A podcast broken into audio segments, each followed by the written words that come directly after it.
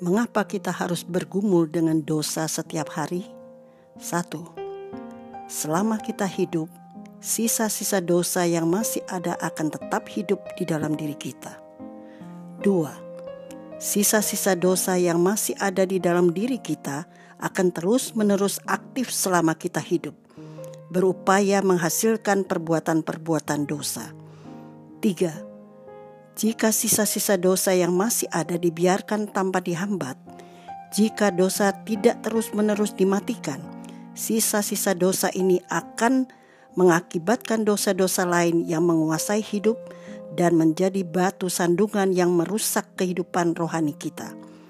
Empat, Allah telah memberikan kita roh kudusnya sehingga kita memiliki sarana yang dapat kita pakai untuk melawan dosa dan keinginan jahat.